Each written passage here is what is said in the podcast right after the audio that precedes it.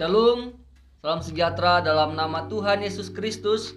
Saya bersyukur kepada Tuhan atas kesempatan yang diberikan kepada saya dan selamat datang di podcast Senat Mahasiswa STT IKAT dan saya akan memperkenalkan diri saya sebelum saya akan menyampaikan renungan firman Tuhan. Nama saya adalah Cornelius Beni Raharjo, mahasiswa STT IKAT program studi pendidikan agama Kristen dan saat ini saya menjabat sebagai Senat Media SCT Ikat. Sebelum kita mendengarkan firman Tuhan, mari kita berdoa agar firman Tuhan menjadi rema dalam kehidupan kita. Kita berdoa. Terima kasih Bapak yang baik, kami bersyukur buat kasih penyertaan, perlindungan, dan kasih-Mu yang engkau nyatakan dalam kehidupan kami sehingga kami boleh mendengarkan firman-Mu. Biarlah firman-Mu menjadi kekuatan bagi kami. Kami percaya Tuhan kami yakin Tuhan bahwa firman-Mu adalah kebenaran. firman-Mu memulihkan kami dan kami yang akan mendengarkan firman-Mu. Tuhan berikan kami hati yang sungguh-sungguh agar firman-Mu boleh menjadi kekuatan yang baru dalam hidup kami ya Bapak inilah yang menjadi doa kami dan kami akan dengarkan firman Tuhan dalam nama Yesus. Haleluya. Haleluya. Amin. Dan saudaraku, hari ini kita akan mendengarkan firman Tuhan. Mari dengarkan firman Tuhan, hidupi, renungkan dan lakukan firman Tuhan. Nah, dan kali ini kita akan belajar tentang beberapa hal. Ya, kita akan belajar tentang metanoia, yaitu sebuah perubahan hidup yang akan kita lihat dari satu pribadi dalam firman Tuhan dalam Alkitab. Masa lalu adalah sebuah kenangan yang cukup sulit kita lupakan dan tinggalkan. Saya yakin dan percaya hal ini benar dan sangat-sangat benar. Masa lalu itu adalah suatu hal yang selalu kita ingat. Apalagi kalau berbicara tentang masa lalu yang indah bersama dengan pasangan, itu pasti akan selalu kita ingat selama hidup kita. Dan seperti inilah yang bisa dikatakan masa lalu itu. Nah, dan kita akan belajar dari kata metanoia. Metanoia adalah sebuah kata dalam bahasa Yunani yang berarti perubahan pola pikir, perubahan akal budi dan cara hidup. Perubahan yang dimaksud dalam metanoia adalah perubahan arah yang lebih baik, ya, perubahan arah yang lebih baik. Seperti yang kita ketahui, selama hidup manusia tidak bisa luput dari gelombang perubahan kehidupan ya. Dan saya rasa semua dalam kehidupan manusia akan ada namanya gelombang perubahan yang mungkin saat di mana kita sebelum mengenal Tuhan kita melakukan hal-hal yang tidak menyenangkan hati Tuhan.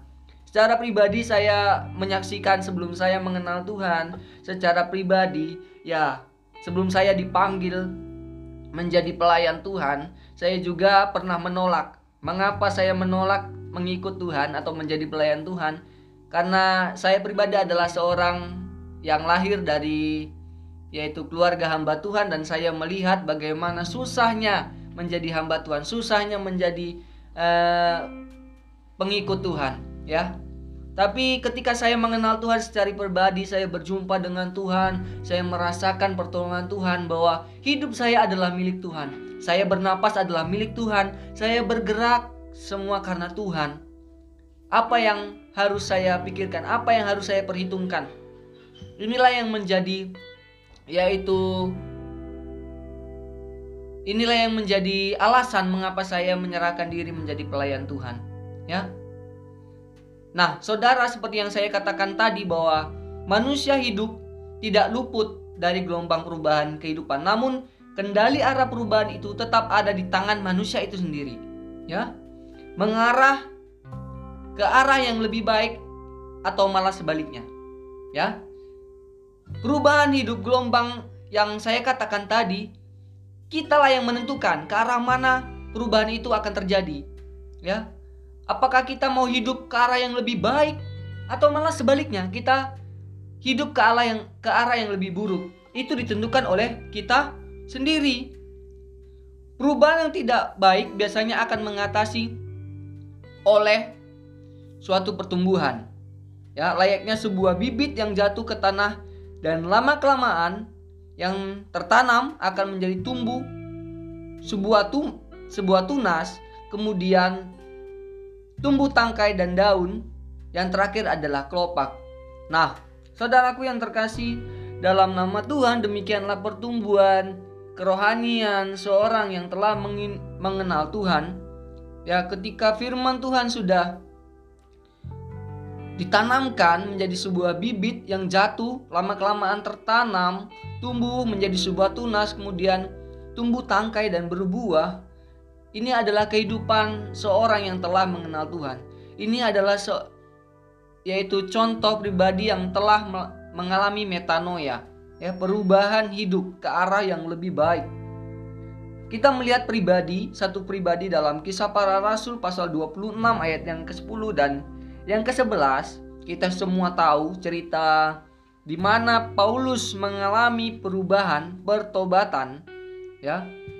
Nanti kita akan baca ayat ini buat pendengar semua yang memegang Alkitab, nanti dibuka dalam kisah para rasul dalam kisah para rasul 26 ayat 10 sampai 11. Sini saya akan menjelaskan Paulus adalah salah satu rasul yang mengalami proses metanoia yang luar biasa. Ya, awalnya bagaimana ia adalah seorang yang sangat benci kepada pengikut Kristus sehingga ia tega menganiaya orang Kristen. Kita semua tahu ceritanya, bagaimana perjalanan hidup Paulus yang sebelum mengenal Tuhan hingga dia di, mengalami perubahan metanoia. Ia ditangkap oleh Tuhan, ia mengenal Tuhan, maka dia berubah menjadi pelayan yang luar biasa. Demikian hidup kita ketika kita mau benar-benar menyerahkan diri hidup kita kepada Tuhan, Tuhan akan mau pakai kita menjadi alat Tuhan yang luar biasa. Ya. Dan saudaraku ya, saya yakin dan percaya bahwa kalau kita hidup, kita adalah hidup sesuai dengan kehendak Tuhan. Itulah yang Tuhan ajarkan dalam hidup kita. Ya. Sebelum Rasul Paulus mengenal Tuhan juga ia memenjarakan bahkan pengikut Kristus yaitu disuruh untuk menyangkali iman mereka. Namun Tuhan lewat Rasul Paulus eh namun Tuhan yaitu ketika itu ketika Rasul Paulus ada dalam perjalanan di situlah Paulus mengalami perubahan metanoia itu atas hidupnya. Ya, ia berubah menjadi 180 derajat ya yang berputar arah luar biasa 180 derajat. Dia sekarang menjadi seorang yang militan dalam mengabarkan Injil. Ya, dengan segenap akal, dengan segala segenap hati, segenap pikiran tertuju kepada Kristus. Ya, ketika dia mengalami metanoia itu. Metanoia ini ibarat sebuah metamorfosis kupu-kupu saudara ya yang awalnya kupu-kupu ini awalnya adalah ulat ya ulat kemudian menjadi kepompong kemudian menjadi kupu-kupu ibarat kita di dalam dunia ini ketika kita belum mengenal Tuhan orang memandang kita ini seperti gambaran ulat. Ulat itu hal yang sangat menjijikkan. Ketika kita bertemu ulat biasanya kalau orang yang tidak suka lihat ulat itu akan merasa jijik tuh ya. Kemudian diubahkan menjadi kepompong. Kepompong itu adalah mulai orang lihat kepompong itu biasanya melihat melihatnya rasanya aneh gitu ya. Lucu tertarik gitu ingin melihatnya. Demikian juga ketika kita sudah mulai diubahkan oleh Tuhan orang mulai tertarik melihat kita.